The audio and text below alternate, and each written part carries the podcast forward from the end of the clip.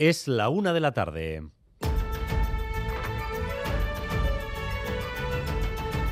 Crónica de Euskadi con Dani Álvarez. A Rachaldeón, Euskal Herria Bildu impone la paciencia en sus filas a la espera de que el PNV y el PSE cierren un acuerdo de estabilidad para las instituciones. Arnaldo Otegui es consciente de que ese acuerdo puede dejarles sin las dos principales plazas en las que han vencido un número de votos, Guipúzcoa y Vitoria. Pero Otegui se pregunta si se atreverán a hacerlo con el apoyo del Partido Popular. Y el Partido Socialista con el PNV va a ser capaz de trabar una alianza en la Diputación de Guipúzcoa o en Gasteiz para quitar a EH Bildu con el Partido Popular de Ayuso. ¿Va a haber una santa alianza contra Euskal Herria Bildu? Háganlo y explíquenlo. Mientras Otegui se sienta a esperar, ni siquiera ha planteado una oferta global a los socialistas para poder establecer mayorías alternativas, porque cree que el tiempo jugará a su favor. El domingo por la noche, mientras el PP anunció que iba a hacer lo mismo que hace Bildu con ellos, es decir, votar gratis a otros para que no gobiernen. Y Turgaiz, contento por sus resultados, explica hoy eso, de si todo es gratis o podría haber algo a cambio. Ofrecemos nuestros votos a las fuerzas democráticas para acabar con Bildu. Esa es una ley de oro del Partido Popular. No hace falta que nos lo pida nadie. Eso lo hacemos. Gratis et amore. Y justo después decía que quizás el PNV debería ser recíproco en Rioja Alavesa, allí donde ellos han ganado. Todo esto dependerá de cómo se plantee el acuerdo entre el PNV y el PSE. Si es una prórroga del que hay ahora mismo o si incluye novedades, es decir, si un nuevo pacto puede integrar nuevas condiciones y manos libres en función del sitio y las circunstancias, porque hay muchos ayuntamientos en juego y las mayorías pueden ser diversas. Además, recuerden que el PNV y el PSE tienen diferencias en temas importantes. Hoy se ha vuelto a comprobar. Educación. El PSE avisa de nuevo de que no apoyará una ley que sustituya el sistema de modelos lingüísticos por un modelo único. Sí queremos dejar claro es que no apoyaremos ningún marco lingüístico que cree esta estigmatización y exclusión, ni regulaciones con parámetros homogéneos para un alumnado con realidades sociolingüísticas diferentes. Y no hagamos problemas, y no hagamos problemas donde no los hay, que en los centros no los hay. Pedro Sánchez, mientras anima a los suyos en su primer discurso ante el partido tras la convocatoria electoral, agita el miedo a las derechas. Madrid, Nerea Sarriegui. Sí, el mensaje a trasladar a partir de ahora es que se puede remontar entre aplausos de los diputados y senadores del PSOE aquí en el Congreso. Sánchez ha advertido que el 23 de julio se decide entre el avance y el retroceso que supone, dice el tándem PP y Vox. La tormenta, insiste, puede ser tremenda y la campaña será feroz en todos los frentes. Asume en primera persona la derrota del domingo y a partir de aquí insiste en la remontada. Ha pedido a los suyos que respondan a los insultos con argumentos y con datos. Y no nos olvidamos del enredo de Pamplona, un enredo que va camino de ser encierro. Nadie quiere a UPN salvo la derecha. El PSN no quiere tampoco a EH Bildu y Bildu no va a votar al PSN. En medio de todas estas cornadas sale Coldo Martínez de Gueroa Bay, que tiene 2 de 27 y dice, eh, no os enfadéis, votarme a mí. Desde Gueroa Bay nos ofrecemos para liderar esa propuesta de gobierno municipal para una Pamplona, para una Iruña que ha votado progresista, plural y transversal.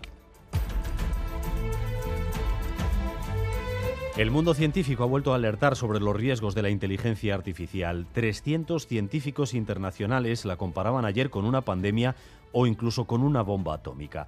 Aquí en Radio Euskadi han pasado por Boulevard dos de las personas que más saben del tema en nuestro país. Daniel Inerarity, asesor para la Ley Europea sobre Inteligencia Artificial, y Xavier Uribe Echevarría, fundador de Sherpa, empresa líder en servicios de inteligencia artificial.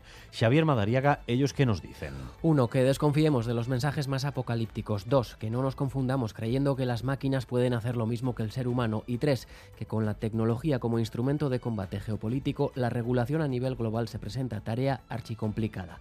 Enseguida más detalles sobre este apasionante debate. La fabricación y el consumo de plásticos no se detiene. En París se está celebrando una convención que impulsa la ONU para lograr un tratado global que pare su impacto. Se quiere conseguir una economía circular del plástico y acabar con los productos de usar y tirar. Sin embargo, eso exige medidas drásticas que son muy difíciles de tomar para los gobiernos. Julio Barea es el responsable de la campaña de residuos de Greenpeace que nos dicen que a la semana pues cada persona estaría ingiriendo como 5 gramos de, plásticos de distintas fuentes, desde el aire, desde el agua, desde la comida, desde todas partes.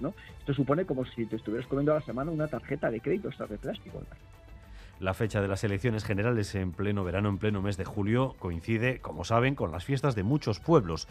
No se plantean cambiar la fecha de sus celebraciones, aunque reconocen que se van a ver trastocadas. Bermeo, El Anchove, Herrentería, hay un lugar que sí ha decidido cambiar su festejo. Son los organizadores del concurso de paellas de Guecho, que está planificado precisamente para el 23 de julio. La asociación Ichasargui decidirá mañana un nuevo día, porque es inviable compatibilizar paellas con una jornada electoral.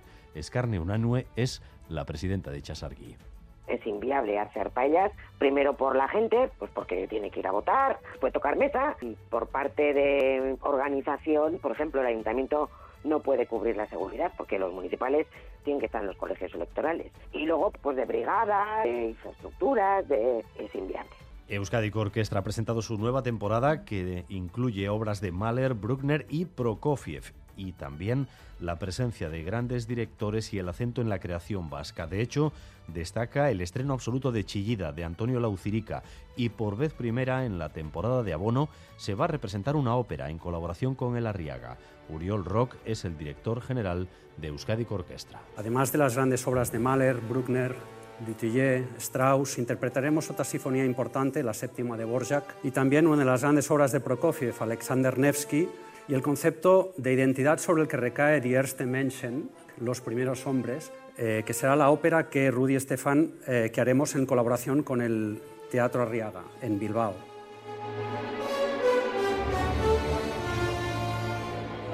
Temporada de Euskadi Orquestra y también, como siempre, lo más destacado del deporte con Álvaro Fernández Cadierno. Arrachaldeón, Álvaro. Arrachaldeón, mucho baloncesto, eliminación de Basconia en la Liga tras caer anoche en Badalona ante el Juventud, renovación de Llama Ponsarnau en Bilbao Basket hasta el 2025 y fichaje de la pivo de Estados Unidos, Yeguel Tuntul por IDK. También fútbol. Dani Vivian confiado en ganar en el Bernabéu y meterse en la Conference o esa final de la Europa League entre el Sevilla de Mendilibar y la Roma de Mourinho y además el Mundial de Taekwondo en Bakú en Azerbaiyán.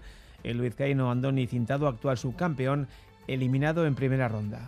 Según Euskalmet, por la tarde vamos a seguir con nubes cerca de la costa y más inestabilidad en el interior. De nuevo, a las 3 de la tarde, al igual que sucedió ayer, se va a establecer el aviso amarillo por tormentas, tormentas que hoy podrían ser también de granizo en Álava y en el norte de Navarra.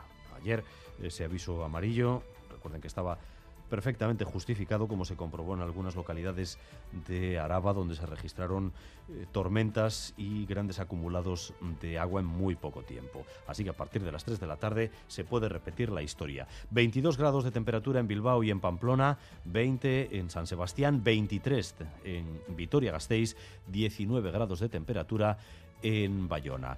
Gracias un día más por elegir Radio Euskadi y Radio Vitoria para informarse. Raúl González y José Ignacio Revuelta se encargan de la dirección técnica, a Itziber Bilbao de la coordinación.